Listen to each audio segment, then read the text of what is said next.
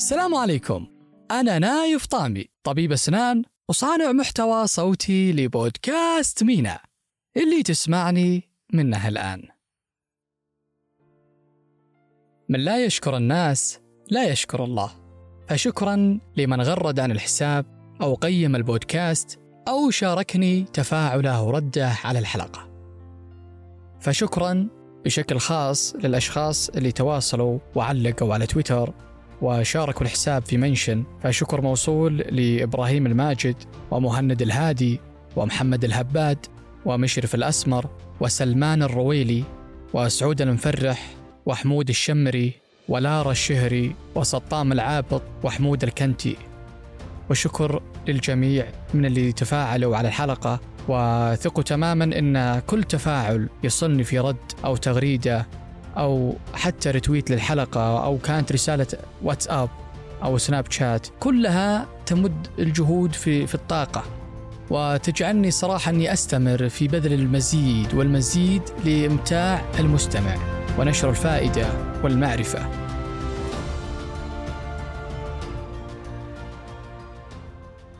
من الردود اللي رشحتها كرد فائز وصلني عن الحلقة الماضية. هذا الرد كان للأستاذ أحمد أبو أنس مرشدي سابقا في إحدى المراحل التعليمية.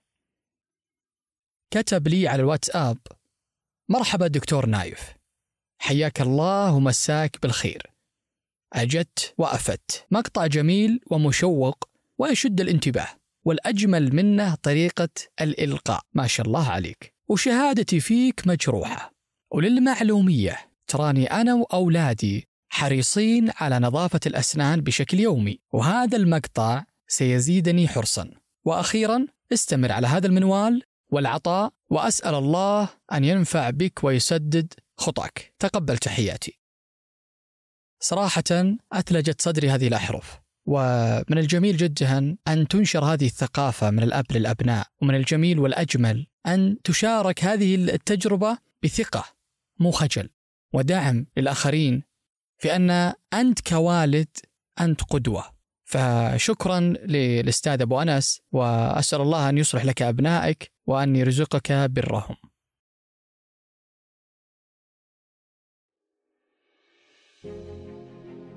ولأنك عنصر مهم لنجاح مينا بودكاست. أرجو منك أن تقيم البودكاست على أبل بودكاست ومتابعة الحساب على تويتر مينا بودكاست. ولا تنسى أن تفاعلك بيثري الحلقة وأحرفك تراها مسموعة.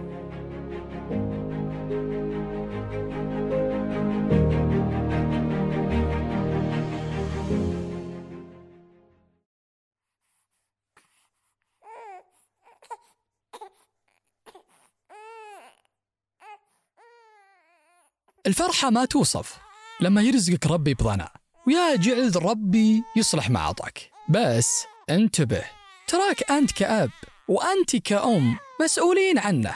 أكبر من المسؤولية اللي تعرفها. كيف؟ طيب بقول لك لا تستعجل. بس أول شيء خفف السرعة أو خفف السرعة. إذا كنت تسمعني وأنت تسوق لأن يومنا طويل. بسألك بصراحة وبكل شفافية وترى عادي ما أسأل في شيء بينك وبين طبيب الأسنان؟ مزعلك لا سمح الله بشيء. تطلبها فلوس ولا سددك. طيب وراك تخوف عيالك فينا. ترى أطباء الأسنان والله ما هو بزومبي. والله يا يا زين كائنات لطيفة. تحب عيالكم وتحبكم حتى أنتم. فترى حنا ما نخوف إحنا نعالج. ما نضر إحنا نفيد. ما نساهم في زيادة التسوسات. إحنا نساهم في تقليلها والوقاية منها. بس مين المفروض اللي نخاف منه أنا ولا أنت؟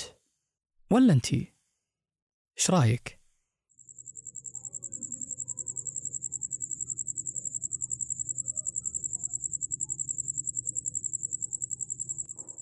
بعد ما تسمع هذه الحلقة شاركني رأيك في تغريدة هذه الحلقة. على حساب مينا بودكاست على تويتر.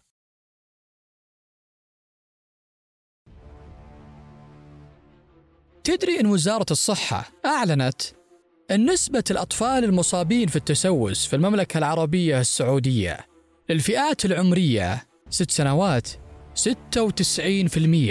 واللي أعمارهم 12 سنة 93%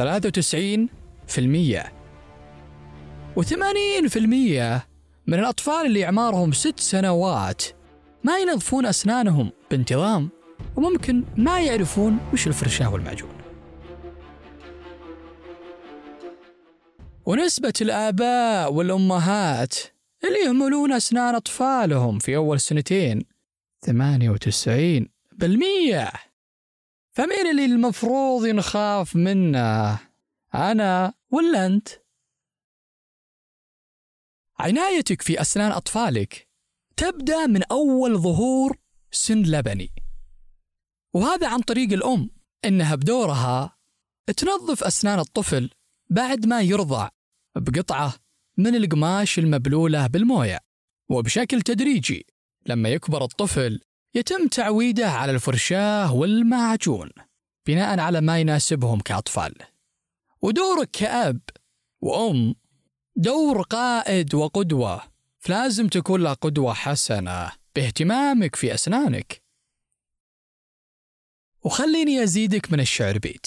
تدري أن تسوس الأسنان يزيد في الطفولة لأكثر من سبب. وهذا السبب من مين؟ بتعرف بنفسك. من مين؟ لما تترك الأم الرضاعة في فم ولدها لفترة طويلة وهو نايم. ترى هذا التصرف يزيد من نسبة التسوس عنده. وأما العادة الثانية الخطأ والغير صحية واللي أتمنى أنها تتغير. عاجل مو بآجل لأنها مضرة مو بس على الأسنان حتى على باقي الأعضاء. لما تنجح بنتك تجيبين لها جاتوه ولما يزعل ولدك تراضيه في كيس مليان حلويات. ولما يطلع من المدرسة هو أخته تاخذ لهم مشروبات غازية وتخليهم يأخذون معها من السكريات ما لذ وطاب. ولما يزعلك أو تعصب عليه تخوفه في طبيب الأسنان وتقول ترى آخذك له وأخليه يعطيك إبرة فهنا يخاف ويسكت.